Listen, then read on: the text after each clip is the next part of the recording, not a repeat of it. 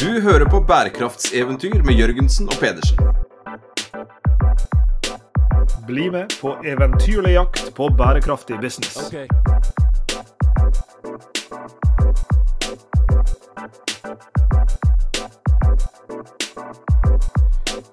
I dagens episode av Bærekraftseventyr Sveinung, så skal vi snakke om hvordan lykkes med grønn innovasjon. Og Det er jo et stort tema. Og Hva er da en bedre gjest å ha på besøk enn Håkon Haugli, som er administrerende direktør i Innovasjon Norge. Velkommen til Bærekraftseventyr, Håkon. Tusen takk, kjempehyggelig å være her. Godt tema, vil jeg si òg. det, det, er det absolutt. Jeg husker eh, første gangen jeg møtte deg, tror jeg. Det var i, i Trondheim på en konferanse. Så satt vi rundt et, et, bord, og så skulle vi fortelle sånne fun facts eh, om hverandre. Og jeg, jeg kom ikke på noe morsomt i det hele tatt, og så var det din tur etterpå. Og du røpet da noe som ikke er en hemmelighet, for jeg har sett det andre steder, at du er fryktelig glad i heisekraner. Ja. Så jeg, eh, har faktisk tenkt ut noe her i, forkant som jeg har lyst til å dele med deg. Eh, vi prøver jo å, å, overraske gjestene våre. Og jeg har en, nevø i familien som hele familien ser opp til. Han er liksom den mest eh, fremadstormende nevøen vi har.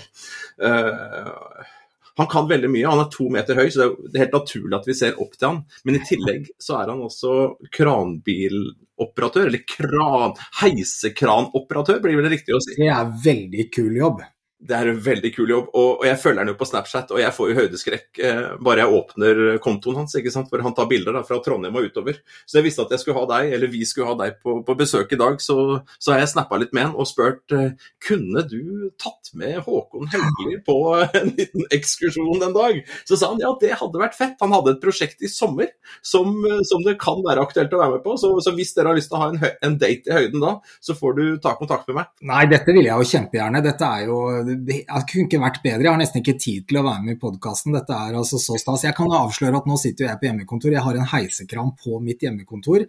Den er, den er av plast, men det fins også utgaver i tre uh, som bærekraft. Jeg må jo bare begrunne denne heisekraninteressen litt. Da. Det er jo så, ja, byutvikling eller utvikling handler jo veldig mye om infrastruktur, og heisekraner er et sånn godt symbol da, på om det er, er, endring eh, på gang. Altså, Tell antall heisekraner i en by, og du får en god indikasjon av om det går, eh, om det går godt med eh, næringslivet.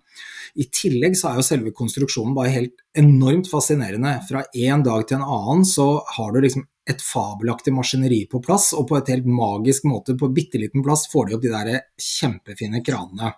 Og så er det bra skylight, har god utsikt, det er juledekorasjoner kan man ha på dem. Det er veldig, veldig mye bra med heisekraner. Jeg kan holde et mye lengre foredrag, men jeg, det, jeg slår bare til umiddelbart på tilbudet om Veldig hyggelig å høre. og det, det jeg, jeg, tar det jo opp her sånn tematisk. En ting er liksom heisekranen og at det er litt artig, artig å tatt deg med på tur hvis du har anledning til det en dag. En annen ting er jo sånn som du sier. Eh, byutvikling, eh, det rører seg, det vokser. Eh, og så tenker jeg inn i dette grønn innovasjon, og så står man litt i et, et spenn på en måte. På den ene siden, vi bør jo egentlig ikke lage noe som helst. Altså, og på den andre siden, vi må jo lage noe. Vi skal jo vokse, vi skal jo fortsette å utvikle oss. Og så hvordan i all verden få til begge disse to tingene, eventuelt hvordan få til da, denne, denne, utviklingen, denne veksten, eh, på en, en, grønnere måte, og helst en grønn måte? da? Ja, det er jo det selve kjerneutfordringen nå. er Hvordan frakobler vi klimautslipp og vekst? Altså Vi blir flere mennesker i verden, flere munner å mette, flere som skal ha energi. Og Så vi trenger eh, veksten. Og Samtidig så må vi sørge for at det skjer på en helt annen måte enn det har skjedd helt fram til nå, og faktisk også nå. Med at vi ikke ødelegger eh, planeten mens vi gjør det. Så Det er selve kjernedilemmaet, tenker jeg. Og jeg er jo veldig på dette at vi trenger vekst. Jeg har ingen tro på at vi skal bremse opp eller reversere, men jeg tror vi må tenke kreativt nytt, innovativt om hvordan vi gjør det. Og det er vel det vi skal snakke om i dag, håper jeg.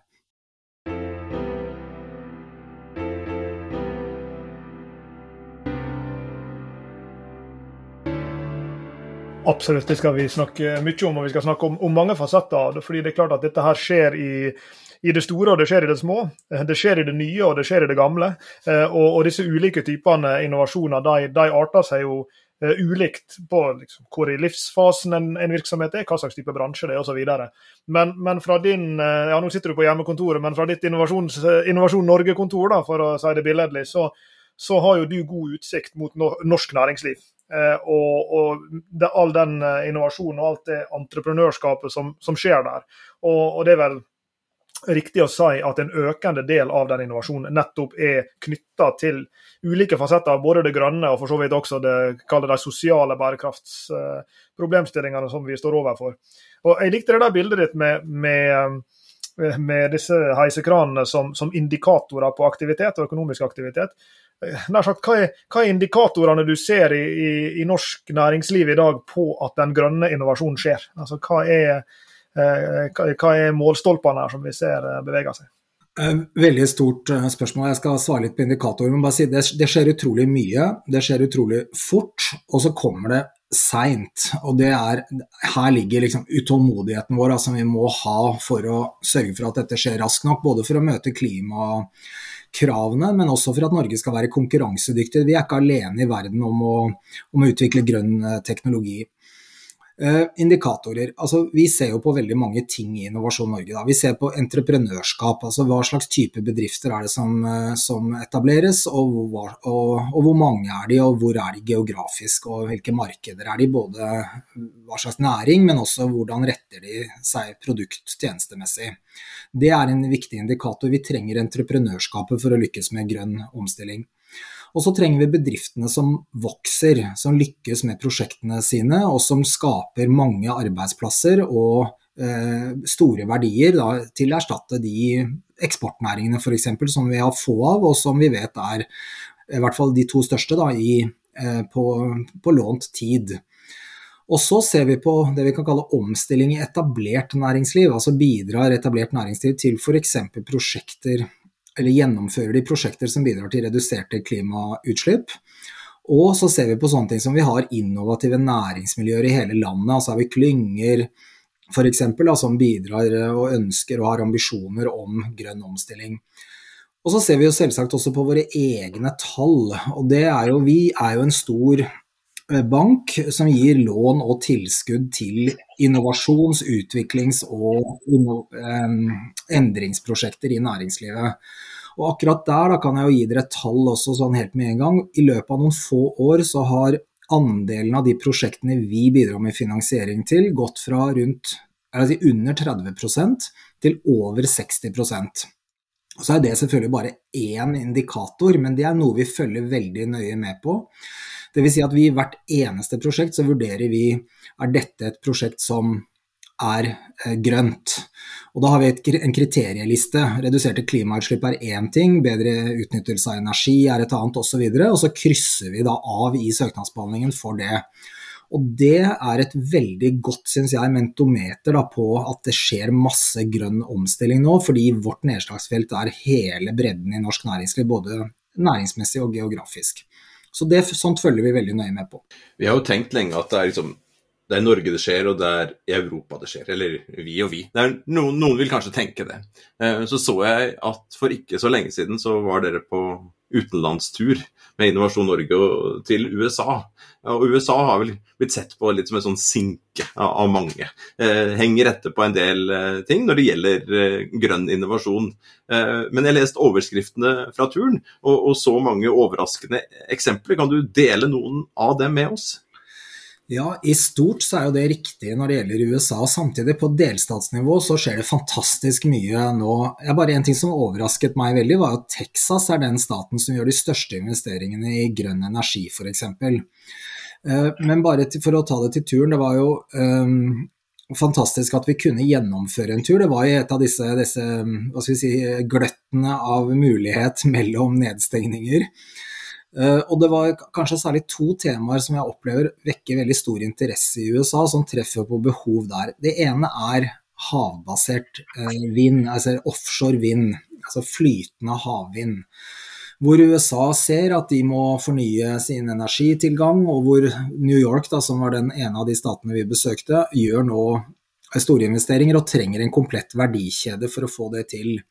Og der har Norge enormt mye å bidra med. Altså, dette er jo offshorekompetansen vår, særlig fra olje og gass, men også fra oppdrett, som går rett inn i en uh, offshore vind-verdikjede, og hvor uh, oppmerksomheten er stor og investeringene som skal gjøres er store. Så Utfordringen vår der da, som Norge er å sørge for at vi er en aktuell samarbeidspartner, og at norske bedrifter er tidlig nok i inngrep med amerikanske eh, selskaper som står for denne utbyggingen. Og Der er det mange mange aktører inne. Og Dette er for øvrig ikke unikt for USA, tilsvarende ser vi i Asia. Det kan vi også snakke litt om. Havvind er et stort og voksende område, rask, eh, rask økning i etterspørsel. Det andre området, og det er sånn de får helt eh, dånedippen av, for å bruke et sånt ord, det er eh, på ladeinfrastruktur og elbiler. Eh, alle, alle, land i verden egentlig ser, vil jeg hevde, da, som har klimaambisjoner, ser jo til Norge med fascinasjon, fordi vi har klart å gjennomføre det som på, man kanskje på fagspråk kaller en systemisk innovasjon. Vi har greid å gjøre, ta alle bitene av et eh, økosystem og få på plass. Alt fra liksom skatteinsentiver til eh, datadelingsplattformer som gjør det mulig for private å bygge ladeinfrastruktur osv. Så, videre. så vi har fått opp en veldig veldig høy andel elbiler, men ikke det, bare det, men også hele systemet rundt da, for lading. Og Her kommer USA nå for fullt og er veldig opptatt av hvordan skal de rigge dette. Og Det overrasket dem f.eks. at det er private som bygger ut ladeinfrastrukturen. Jeg tror kanskje mange ser til Norge tror alt er offentlig, og det er det jo ikke. Men her er jo et eksempel på hvor jeg tror mange stater i USA tenker at dette er ikke lønnsomt, så her må staten inn og betale for ladeinfrastruktur. Mens vi har funnet andre måter å gjøre det på i Norge. Så det var to sånne viktige temaer da, på den eh, reisen. Og ikke minst er jo dette kjempeviktige temaet for våre folk. da Innovasjon Norge har jo ansatte i USA som jobber med dette hver eneste dag.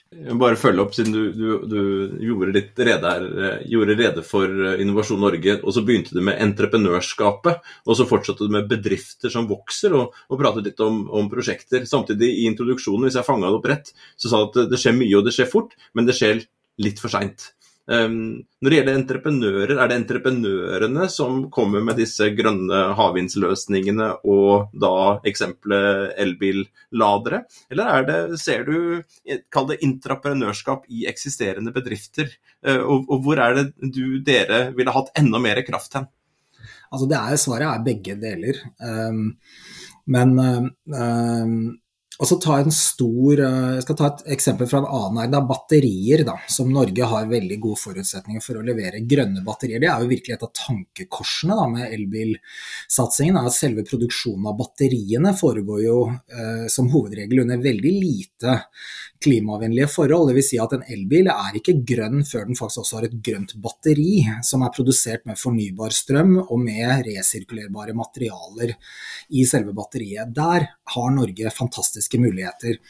Og her er det veldig spennende å se da, at det er en kombinasjon av etablerte, større industrielle aktører og entreprenører som er nå i ferd med å bygge norsk batteriindustri. Og det er en god, og Sånn er det på andre områder. og Du trenger begge deler. Du trenger de som utfordrer det bestående, som kommer med en glitrende idé og som etablerer eget selskap og får det til å vokse. Og så trenger man selvsagt også omstilling i etablert næringsliv og større bedrifter som ser de samme mulighetene og som legger om driften. Og så er det, tror jeg, riktig å si da, litt sånn grovt sett at det er noen fordeler og ulemper med begge deler. Altså, en fordel med å starte på nytt er at du har ikke med deg en masse bagasje av etablerte strukturer. Du kan, kan starte opp det ofte tempoet høyere hos eh, entreprenører. Samtidig så er klart de store etablerte bedriftene de har noen verdikjeder, de har noen samarbeidsrelasjoner, de har noen muligheter for distribuert produktene og tjenestene sine som ikke en entreprenør har. Så her gode samarbeid, og dette er vel sikkert banalt, da, men det å få da hele økosystemer med biter av både det ene og det andre, er jo det som virkelig skal til for å utløse innovasjon. Femfaktormodellen er det mange som snakker om. Du trenger jo tillit til entreprenører og etablert næringsliv. Du trenger myndigheter som, som eh, sørger for at det er gode rammebetingelser. Du trenger investorer som går inn med nødvendig kapital, og du trenger kunnskapsmiljøer av universiteter og høyskoler som bidrar med den kunnskapen som skal til. Og det er ferskvare, så dette systemet må hele veien samspille godt og bidra til eh, løft. Og dette er utprøvd, men nå går vi da for Norges vedkommende inn på nye områder hvor vi ikke har masse erfaring og må egentlig tenke veldig helhetlig rundt det. F.eks. batterikompetanse. Vi har ikke noen batteristudier i Norge, men det trenger vi åpenbart å få på plass. Vi trenger fagarbeidere som kan jobbe i batteriindustrien, det må vi få på plass, osv. Vi eh, skal utover samtalen eh, grave oss mer ned i både disse entreprenørene, disse vekstbedriftene og disse Eh, etablerte aktørene som endrer seg, og også økosystemet, som jeg synes er en sånn viktig ting som, som, eh, som, jeg vil at vi skal få snakke mer om. Men når vi først har trukket opp det, det internasjonale lerretet nå, eh, Håkon, så kunne jeg tenke meg også å utfordre deg på å, å si litt om dette asiatisk. og Da kan en jo tenke litt på det som en parallell til entreprenører når de etablerte, så er det jo en litt sånn, der, en litt sånn feeling med Asia kontra USA nå. At der har du en stor koloss i vest som skal omstille seg fra å ha vært en, en motor. Og så kommer det en, en, helt annen ny type motor i, i øst, for å overforenkle litt. Grann, Men kanskje du deler også litt grann hvordan du ser eh, på, på innovasjonen, og kanskje spesifikt den grønne innovasjonen som, som skjer i Asia i, i, dag? Det våre kontorer i Asia eh, rapporterer om, er egentlig det samme som vi ser um, i Europa og, og, USA. Det er jo en uh, hva skal vi si, uh, kanskje kan si det sånn, myndighets initiert da først eh, ambisjon om å utvikle grønne løsninger. Alt fra energiproduksjon til energisystemer og til eh, eh løsningene som tas i bruk, altså type elbiler da, som vi har nå snakket om. Eh, og Asia er veldig mange ulike ting. Eh, og de ulike asiatiske markedene er ulike og gir ulike muligheter for norsk næringsliv. Eh, men alle gjør nå store investeringer. Jeg tror uten unntak så vi ser på områder som hydrogen, havvind, batterier, sirkulærøkonomiske løsninger. Jeg vil si også bioøkonomien, da, for å kaste inn det. Som, der skjer det nå ting i Asia. Så parallellen er veldig klar. Også her er det tenker jeg Norges plass da, i det grønne skiftet globalt. Den, altså det å få ned klimautslipp i Norge, det er jo åpenbart viktig. Men der hvor vi virkelig kan spille en rolle, det er å kjenne vår besøkelsestid nå, da, når verden gjør disse store investeringene, og at norsk næringsliv er i posisjon og får frem eh, den teknologien og de, den kunnskapen som er nødvendig. Jeg mener vi har verdens beste utgangspunkt, men det er bare det at et godt utgangspunkt er ikke nok. Vi må også stokke beina godt og greie nå Eh, å, få, å handle raskt. og Der går det til det jeg begynte å snakke om, da, utålmodigheten. Jeg syns det går for tregt. Eh, vi er ikke eh, si, som land da, framme nok i skoene og skjønner ikke nok av den dynamikken som er ute i internasjonale markeder til å lykkes med dette, med mindre vi girer om. Og når det er sagt, veldig, veldig mange bedrifter er der allerede. Men det krever, dette krever en betydelig omstilling av, av måten vi tenker på eh, internasjonale markeder på. En helt annen måte å selge på enn f.eks. å bygge en rørledning, og så går gassen i 80 år. Her skal man være i skarpe salgssituasjoner hver eneste dag, ha kommersiell kompetanse, være tett nok på miljøene, forstå kulturell kontekst, politisk kontekst i krevende markeder. Det er noe annet. Når vi underviser studentene våre i forretningsmodellering generelt, og bærekraftig forretningsmodellering spesielt, eh, Håkon. Og her snakker jeg friskt i minne, for dette vi akkurat drev med disse siste par ukene med et nytt kull eh, NHH-studenter fra både inn- og utland. Så har vi jo ikke mer, mer enn rukket å introdusere dem til begrepet forretningsmodell. Og det å forklare dem hvordan en forretningsmodell fungerer, hvordan den eh, henger sammen og hvordan den kan innoveres, før vi sier men en forretningsmodell er jo ingenting uten økosystemet som, som man eh, nær sagt er en del av. Eh, og jeg kan jo forestille meg at når dere sitter i Innovasjon Norge og får eh, søknader til de ulike nær sagt, programmer, eller hva som blir dette begrepet, som, som dere har, så, så vil vil dere også få presentert for dere en, en, forretningsmodell, eller flere forretningsmodeller som en, som en søker da har, og som de skal sannsynliggjøre overfor dere at her er fremtiden. eller dette, skal, dette, bør vi satse på, dette bør vi skalere, denne omstillinga bør vi lykkes med, hvor nå enn denne aktøren er her i, i sitt livsløp. Samtidig, som du sier, så er disse økosystemene så viktige. Og i hvor stor grad er dette noe som For du, du brakte jo opp her i stad. I hvor stor grad er det noe som dere eh, for det første altså gir tilbakemelding på i første omgang. Eh, oppfordrer dem til å jobbe videre med. Og i hvor stor grad fungerer dere nesten som en, eh, som en, matchmaker her mellom For dere har jo overblikket. Dere får søknadene fra veldig mange aktører fra, fra samme bransje og på tvers av bransjer, og kan sånn sett også være en litt sånn forsiktig designer i et, i et sånt økosystem. I hvor stor grad har dere den muligheten, og griper dere den muligheten? I for liten grad. Vi gjør en god del på det vi kan kalle verdikjeder og, og, og økosystemer. og Bare gi dere et par eksempler på det. Altså, eh, vi har et program som heter Pilot E, hvor vi samarbeider med Forskningsrådet og Enova. Og et tilsvarende program som heter Grønn plattform, hvor vi samarbeider med eh, Siva og Forskningsrådet.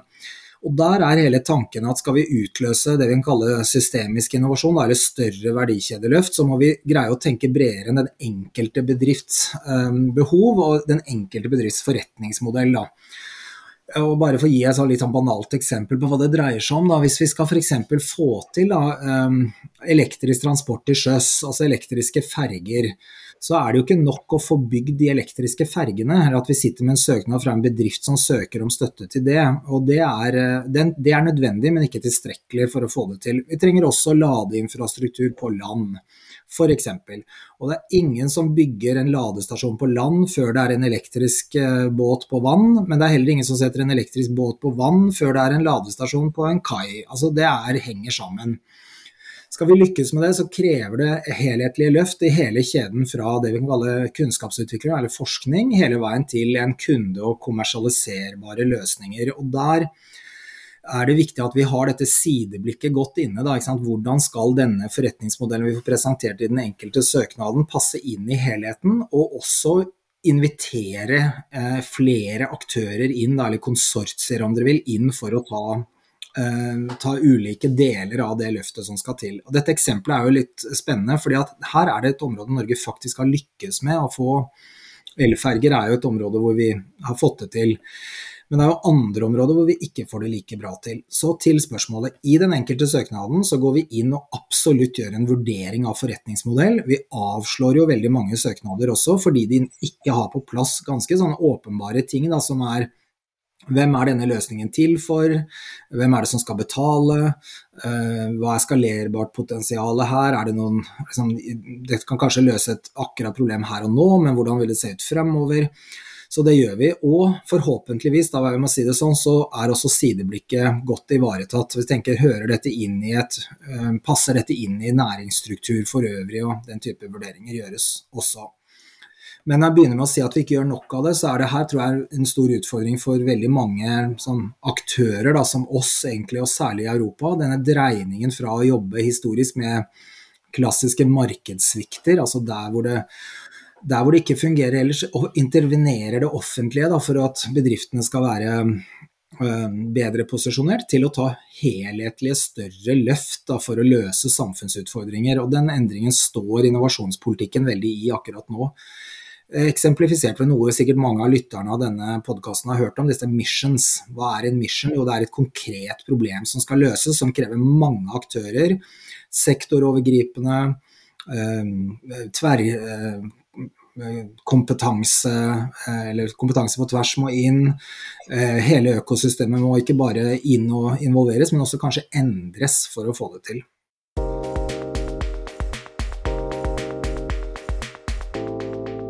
Jeg tror du to ganger har brukt uh, ordet banalt, og da tenker jeg da sitter du jaggu tett på det problemet. Altså det, for, det, for, oss utenfor som ikke sitter med det, så er det jo på ingen måte banalt. ikke sant?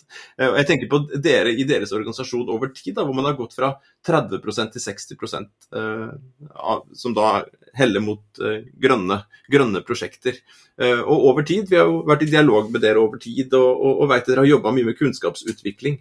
Eh, og så sitter de der som en stor bank som du sier, da, som skal fordele midler på de beste prosjektene. Ikke bare isolerte prosjekter, men også prosjekter på tvers av aktører for å få til symbioser og, og klynger og sånne ting.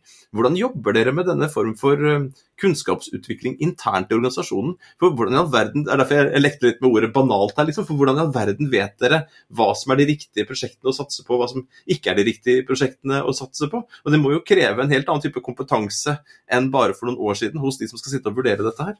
Ja, dette er virkelig kjerne, kjernespørsmål for oss da, internt. Altså, vi må ha en si, kompetent førstelinje i vår organisasjon. Det er litt sånn, Vi er ikke generalister eller spesialister, må være begge deler. Må være kunne nok, da.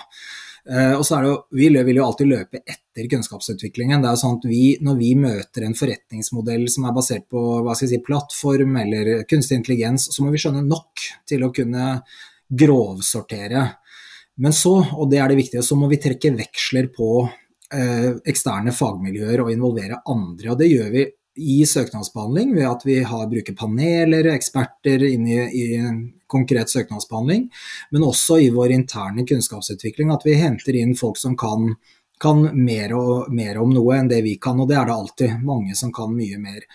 Og så er det jo viktig at vi har, og det her er vi jo veldig heldige i Innovasjon Norge, vi er en veldig attraktiv arbeidsgiver. Vi tiltrekker oss veldig flinke folk. Sørge for at de kontinuerlig får kompetansepåfyll og, og, læring i jobben. Den viktigste læringen ligger jo i møtet med bedriftene, da, å kunne trekke veksler eh, på de erfaringene man får etter hvert. Men det er også noe mer vi må gjøre. Vi må sørge for at kunnskapen flyter godt internt. Og det vi, vi, kaller, vi snakker om å være datadrevet internt, da, det er ikke verdens mest sexy ord, men det handler om at det Innovasjon Norge vet, det skal være tilgjengelig for hele resten av Innovasjon Norge, innenfor noen, selvfølgelig noen rammer. Da. Men det betyr at kommer du i møte med en søknad fra en bransje eller en type forretningsmodell eller noe du aldri har møtt før, ja, så er det sikkert andre, eller kanskje andre, i selskapet som har hatt en tilsvarende søknad, eller en relatert søknad. Da skal du kunne finne fram til den informasjonen, sånn at vi ikke begynner på scratch hver eneste gang. Så det er noen av de tingene vi gjør. Men dette her er liksom, eh, vil jeg si, utfordring nummer én for oss er å sørge for å, være, for å ha relevant kompetanse og tilgang til relevant kompetanse eh, alltid. Og et lag utafor det her i, i Løken, da, Håkon, så, så ligger på en måte en sånn kall det innovasjonspolitikk, om du vil. og Nå skal ikke vi, skal ikke vi gjøre dette til en, til en, politisk diskusjon, men jeg er litt interessert i, og vi fikk faktisk en e-post fra en lytter som, som utfordrer oss til å adressere dette med ja, hvordan er det ulike nasjoner håndterer dette med å, å fremme grønn innovasjon. og, og nå er det klart at, at uh, det er jo Fra land til land er det forskjellige bransjer som er aktuelle, det er forskjellige typer teknologiutvikling som finnes, og, og liksom hva det måtte være. så Det er jo selvfølgelig noen forskjeller mellom, uh, mellom land på, på, på, hva vi driver med og hva vi er gode på. Sånn. Men hvordan, nær sagt, Hvis du skulle trekke noen sånne linjer på tvers til enten det er våre naboland eller andre land i, i, på, på, kontinentet, og for den del kall det transnasjonale størrelser som både EU og, og andre, ja, Hvis du tar et litt sånn på, på tversblikk her, hva, hva er veivalgene, og hvordan, eh, hvordan, gjør vi dette kontra andre, osv.? Altså, alle land er ulike, ikke bare i næringsstruktur og forutsetninger, men også i måten innovasjonsaktørbildet da, er sortert. Altså, man ser det typisk som forsknings... Noen land er forskningen veldig for seg selv, og så har man anvendt forskning og innovasjon samlet. Andre steder så samler man ulike kapitalaktører sammen osv. Så, videre. så det er veldig veldig ulikt. Det som jeg tror er den sånn store dreiningen som vi ser da, overalt, egentlig, det er dette med uh, samfunnsutfordringsdrevet eller mission-drevet innovasjon, og at alle land vrir seg i den retningen. Altså vekk fra én-til-én med enkeltbedrifter over til større uh, innovasjonsløft, om dere vil. Det tror jeg er gjennomgående. Eh, og så gjør man det på litt ulik måte. Altså Danmark, Sverige, Finland og Norge er f.eks. veldig ulikt organisert rundt det, men har den samme måte, ambisjonen da, om å gå i, gå i denne retningen. Eh, det er litt ulikt. Hvis man ser på f.eks. investeringer i forskning, så er det ganske store variasjoner i Norden da, mellom hvor andelen BNP som går til eh, forskning. Finland ligger vel helt øverst med eh, tror jeg de har satt seg en mål nå over 4% gå, av BNP skulle gå til forskning. Eh, mens eh, de andre nordiske landene ligger noe bak, og jeg tror vi er det landet for eksempel, hvor det forskes minst i næringslivet. Samtidig så har vi en stor instituttsektor som er en slags forskningsavdeling for bedriftene, så de tallene er liksom ikke helt presise de heller. Så her er det eh, variasjoner. Men jeg tror i hvert fall innsatsfaktoren innen innovasjon da, det er flere ting. Det ene er Eh, kunnskap, altså kompetanse. Det kan være fra en garasje, men også fra et forskningsmiljø. Det er kapitaltilgang, der er det også store variasjoner. Og så er det dette med kundenærhet. Og det, jeg tror det siste er der hvor jeg tror vi har gode forutsetninger i Norge da, for å være eh, Vi er, gans, vi er liksom passelig størrelse til at um, vi kan se disse tingene i sammenheng. Vi kan f.eks. tenke helhetlig rundt næringsutvikling hjemme og eksport. Uh, mens det er mer krevende i større, større markeder. Bare for å ta noe. Så det, Disse tre K-ene, kompetanse, kapital og kunder, er et godt rammeverk for å forstå og analysere ulikheter i, i også innovasjonsøkosystemene. Og det er store forskjeller. Har dere sånne møtepunkter hvor, eh, hvor ledere som deg i ulike sånne Innovasjon Norge, Innovasjon USA, Innovasjon Tyskland møtes? Altså, Fins det sånne kontaktprogram? Så du sier at det er organisert forskjellig, men uh, eh, fins det den type banker, og, og hender det at dere liksom har noen sånne sit-downs uh, og, og, og, går gjennom liksom strategi og tanker og veien videre og samarbeid og sånne ting? Det er kontakt på nordisk nivå, så er det det. det men der, ja, vi er litt ulike. da. Vi har liksom noen samarbeidspartnere på eksportsiden, og så har vi litt andre samarbeidspartnere på, på innovasjonssiden. Så, så, svaret er liksom tja. Sånn, vi, vi, deler noen erfaringer. Vi henter mye læring da, fra andre land i alt vi gjør, egentlig, og lar oss veldig inspirere av deler av aktiviteten til noen av våre søsterorganisasjoner. Men også, det er ikke satt veldig i system, dette. Det skal også sies da, at mange altså Historisk så opplever vi nok veldig at vi er konkurrenter også. Da. At det ligger der det, og særlig sånn og det å ta internasjonale eksportandeler. Det, det, vi argumenterer jo veldig for, og i Norden, da, at vi som Norden kan fremstå mer eh, samlet, ha en mer komplett uh, kjede av mulige leverandører innenfor noen områder. Og, men det fungerer nok bare i Norden, det der. Jeg ser vanskelig for meg at vi kan finne den type samarbeid utenfor Norden. Det er noe kulturelt der også.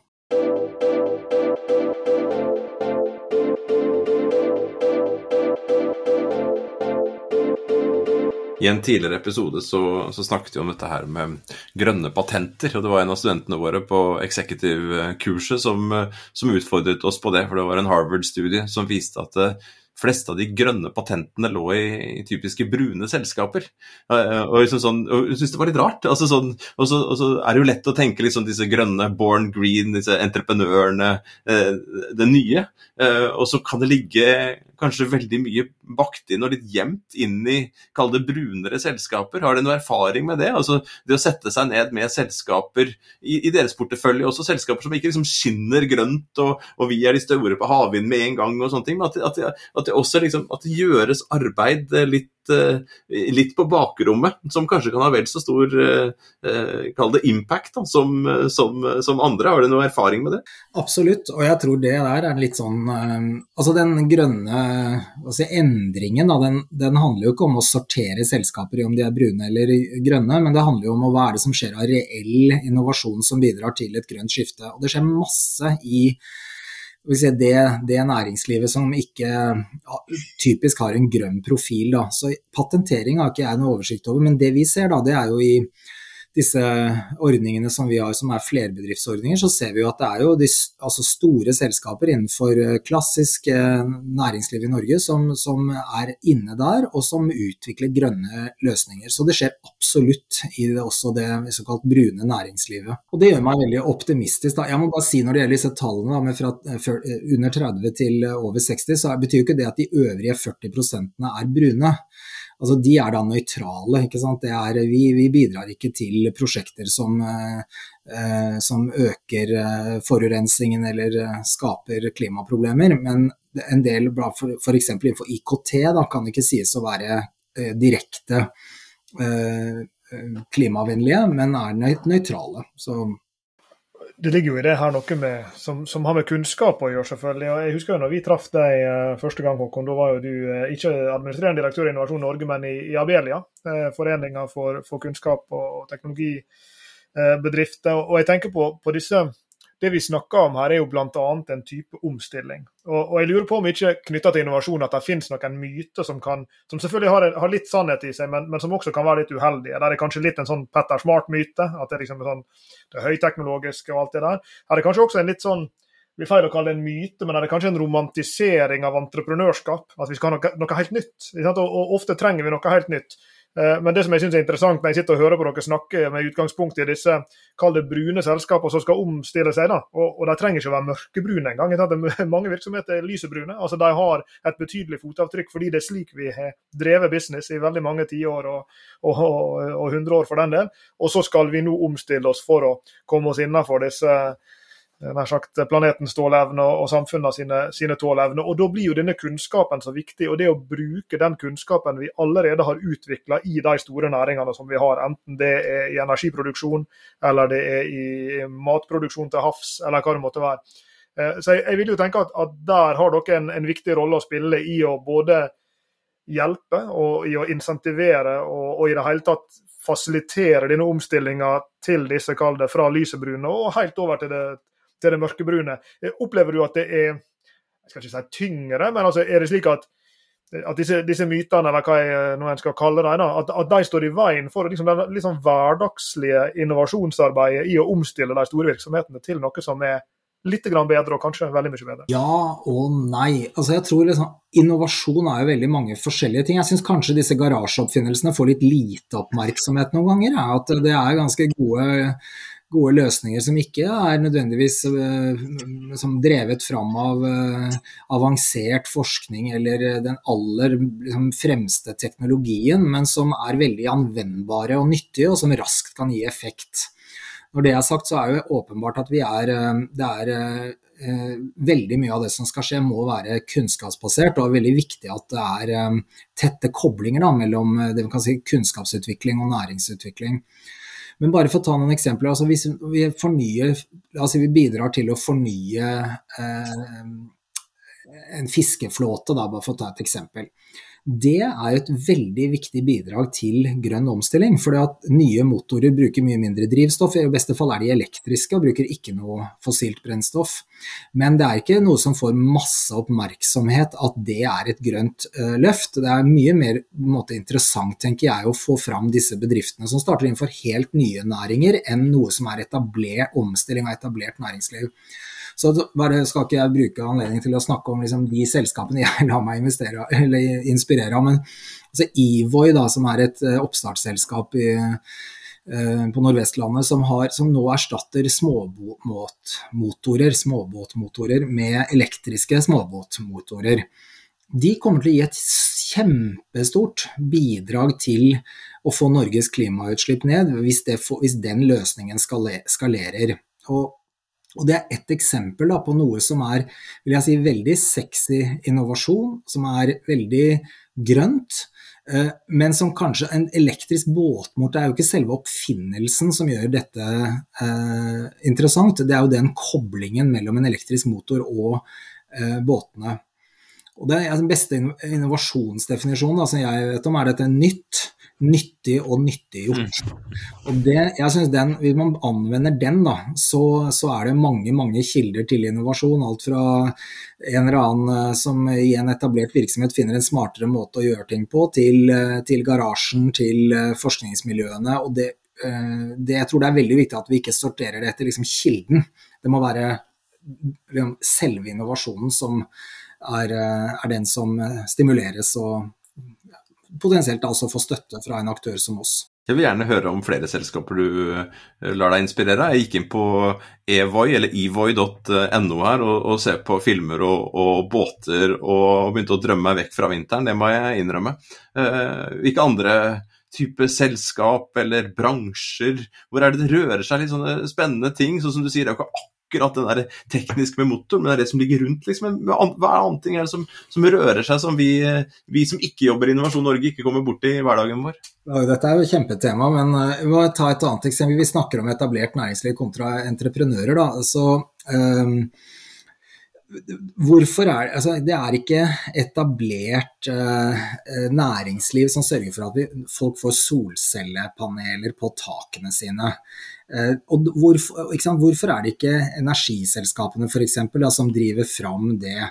Uh, nei, det krever noe annet. Det liksom bryter med deres forretningsmodell. og um, Eh, det, og, det, og Et selskap oppi dette her er jo Ottovo, da, som er de som gjør akkurat den jobben. Det er et eksempel på en systemisk innovasjon utløst av en entreprenør, Andreas Torsheim, som etablerer et selskap og tror veldig på, på at distribuert eh, energiløsninger og, og, Norge har gode forutsetninger for sol, da, stikk i strid med dårlig vær og, og greier det, det, er veldig inspirerende. Og det sier noe om kraften i entreprenørskap, og kanskje også litt om at det innenfor rammen av etablert næringsliv kan være vanskelig å utløse den type større endringer. Eh, så det syns jeg er et kjempespennende case. Eh, og bringer meg til et annet resonnement. Vi er jo veldig opptatt av Norge, altså olje og gass og vannkraft. Det er veldig viktige eh, områder. Men Norge er også en stormakt innenfor sol, fordi vi har hatt eh, prosessindustri som har holdt på med silisium bl.a., og, og, og selvfølgelig også innenfor vind.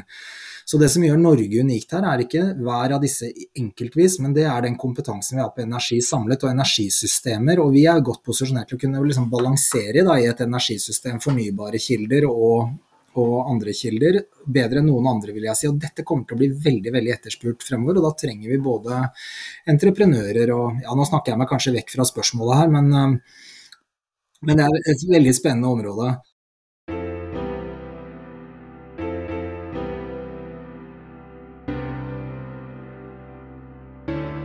Vi er jo også opptatt av hva som skjer på bakrommet. Altså alle disse eh, prosessene og alle de innovasjonene som vi ikke ser, som kanskje har enorm betydning, men som når du kjøper den der sjokoladeplaten, eller når du kjøper den bilen eller en skjorta, eller, eller ut og reiser, eller hva man enn gjør.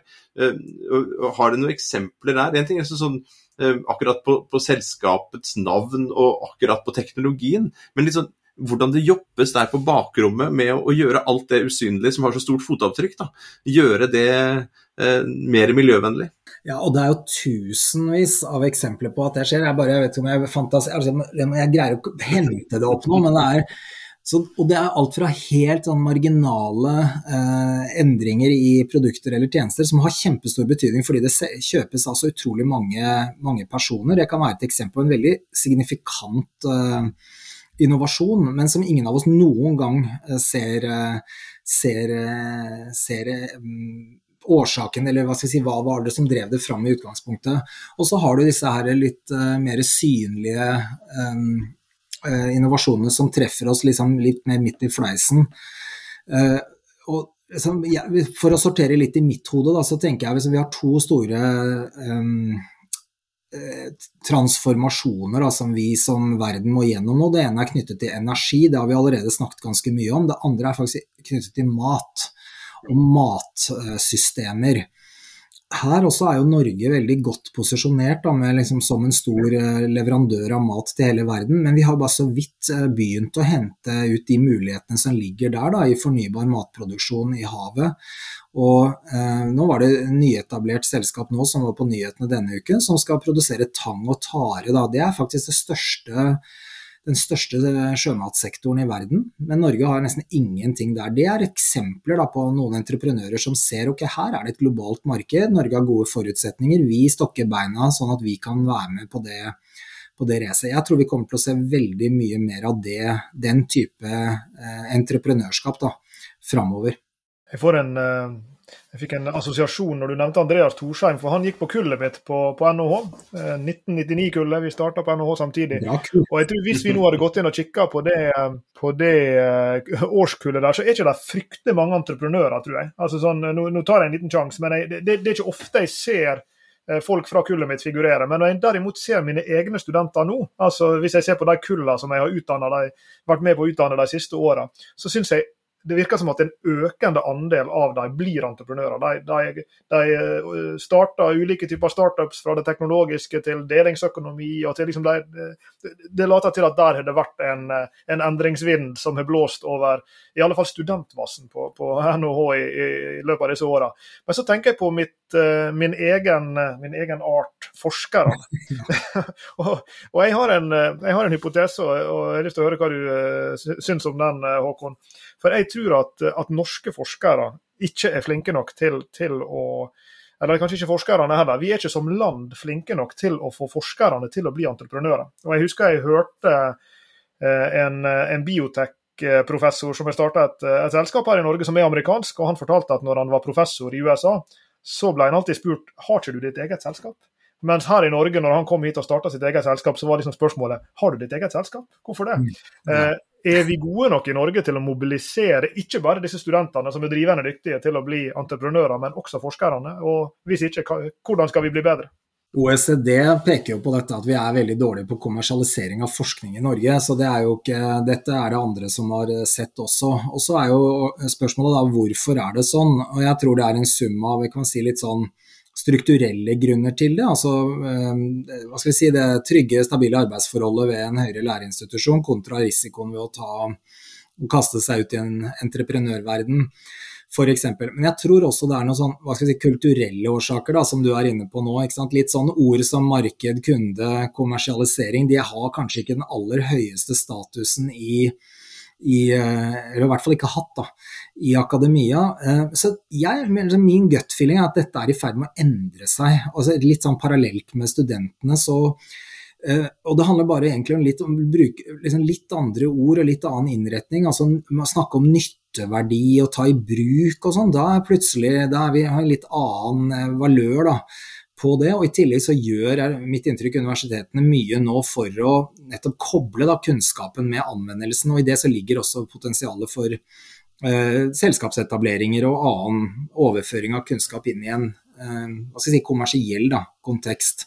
Så jeg, jeg observerte sånn, jeg har jobba jo fem år av mitt liv i McKinsey. Der var det jo ingen i McKinsey som slutta for å, for å bli entreprenør. Altså det var helt, altså kanskje én eh, av 500.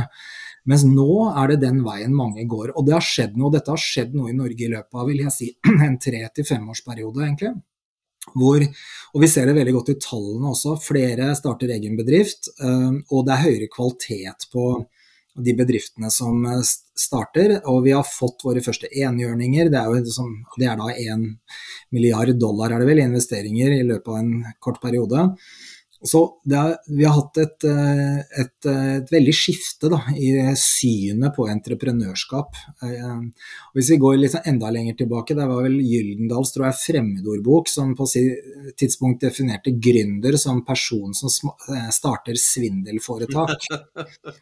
Det er ikke så evig lenge siden, jeg tror det var sikkert på 60-tallet eller noe sånt. Men ja, og, da, og da het vel også AS-ene het vel uansvarlig selskap? Ja, det var, det var lettere før, altså. ja, var, jeg tenker det er sånn god refleksjon, det er sånn synet da, på entreprenørskap. Dette har vært en dramatisk endring. Heldigvis, heldigvis.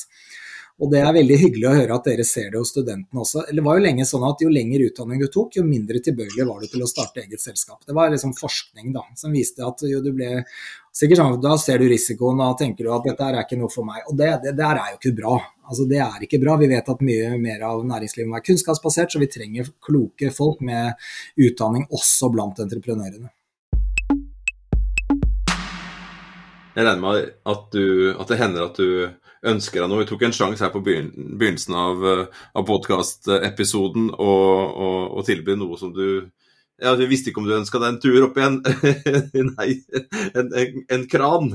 Men jeg tok en sjanse på det. Men, men, hvis du ligger der da, på, på kveldstid eller går en god skitur eller sitter og prater med en, en god kompis en, kveld og får lov til å være litt sånn fri, hva er det du ønsker deg? Da tenker jeg liksom ikke på, på privaten, altså, men uh, som leder av Innovasjon Norge. En ting er du, du har jo 61% som nå går mot grønnere prosjekter, og hvis jeg husker riktig, så er det ca. 5 milliarder kroner. og Det er jo fryktelig mye penger. Men hvis du hadde hatt 50 milliarder kroner f.eks. istedenfor fem. Hva hadde du ønsket deg da? Hva ville du ønska deg? Akademia, hva ville du ønsket deg? av Disse fem faktorene du nevnte, bedrifter og myndigheter, investorer og kunnskapsmiljøene som må jobbe sammen. Hva er det du, er det du skulle ønske at du ja, Hvis noen skulle gitt deg noe, hva, hva er på ønskelista di? Oi, um, Det er egentlig ingenting jeg ønsker meg mer enn den turen opp i heisekrana. bare for å begynne der. Det syns jeg er veldig stas at det allerede er et utkomme av denne podkasten. Men for å svare på spørsmålet, altså, og jeg er ikke sikker på at dette skal være Innovasjon Norge som skal gjøre det, men, men jeg eh, tenker at um, jeg går egentlig på jobb hver dag, ja, fordi jeg eh, tenker at vi må etterlate denne verden da, i bedre forfatning enn den vi fikk den i, i hvert fall ikke, hvert fall ikke dårligere. Og det handler om mange ting. Da. Det handler jo om, om, bærekraft, som er dagens tema, men det handler jo også om at vi har et livskraftig næringsliv som er bærekraftig også i økonomisk forstand. Da. At det er jobber eh, til ungdommer, og at vi eh, greier, å, greier denne omstillingen uten, eh, uten, unødvendig friksjon. og og der, det er klart der ønsker jeg, jeg Mitt korte svar på spørsmålet er økt fart. Altså jeg, vi trenger fart i denne omstillingen, og vi trenger de verktøyene som gjør det mulig for oss å få opp farten. Og Det handler om veldig mange ting. Da. Vi må være, som jeg var inne på i stad, mer eh, til stede i internasjonale markeder. Og vi, da mener jeg Norge, altså ikke Innovasjon Norge bare. Eh, vi trenger å være, ha gode, velfungerende eh, hva skal si, økosystemer, klynger med høy grad av samhandling, og som raskt eh, jobber med veldig konkrete prosjekter. Vi trenger entreprenører som raskere enn i dag kan vokse dersom forutsetningene er til stede for det.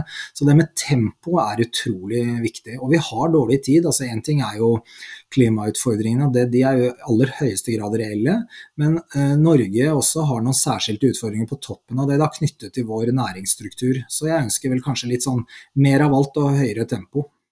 Og Hva kunne vært et bedre oppspill til å eh, plukke opp stafettpinnen og løpe videre inn i den grønne innovasjonen som vi, som vi trenger. Og Der må vi eh, som sitter på forskningssida av bordet Uh, gjør, gjør, vårt, vi, studentene våre, og etter hvert som de går ut i næringslivet, må de gjøre sitt. Og vi trenger, som du har vært inne på, Håkon, både at disse entreprenørene lykkes, at de som er i en vekstfase lykkes med å skalere. Vi trenger at de etablerte virksomhetene lykkes med å omstille seg. Og vi trenger at økosystemer rundt alt det her skal fungere, enten det økosystemet bottom up vokser opp som en summen av private og offentlige aktører som, som eh, bygger de ulike byggeklossene i det. Eh, og kanskje også litt med de virkemidlene vi har gjennom eh, det offentlige, som dere spiller en, en viktig rolle i, at å få disse økosystemene til å fungere, og forretningsmodellene inni dem for å få disse nye, nyttige og nyttiggjorte løsningene. Så tusen takk Håkon, for at du var med oss på bærekraftseventyr i dag og snakka om hvordan vi skal lykkes med grønn innovasjon. Ja, tusen takk for at jeg fikk være med. Jeg syns vi bare så vidt er i gang. Men la meg si til slutt både takke for uh, heisekrangaven, det er jeg veldig glad for det. Og så bare si til dere at det dere gjør er utrolig viktig med både det dere gjør i undervisnings- og forskningssammenheng. Det er, en, det er helt avgjørende forutsetning. Og det dere gjør med å, få disse budskapene ut. Så jeg er veldig glad for at jeg fikk lov å være med i, i dag, og, og, håper vi kan snakke sammen uh, også ofte fremover. Så tusen takk for meg. Du har hørt på Bærekraftseventyr med Jørgensen og Pedersen. Send e-post til eventyr.krøllalfa.jorgensenpedersen.no for å stille spørsmål eller komme med forslag til tema for fremtidige episoder. Og besøk jorgensenpedersen.no for mer informasjon om denne podkastserien. Okay. Derfra kan du også fortsette samtalen med oss i sosiale medier på Twitter, Facebook, LinkedIn, YouTube og andre steder.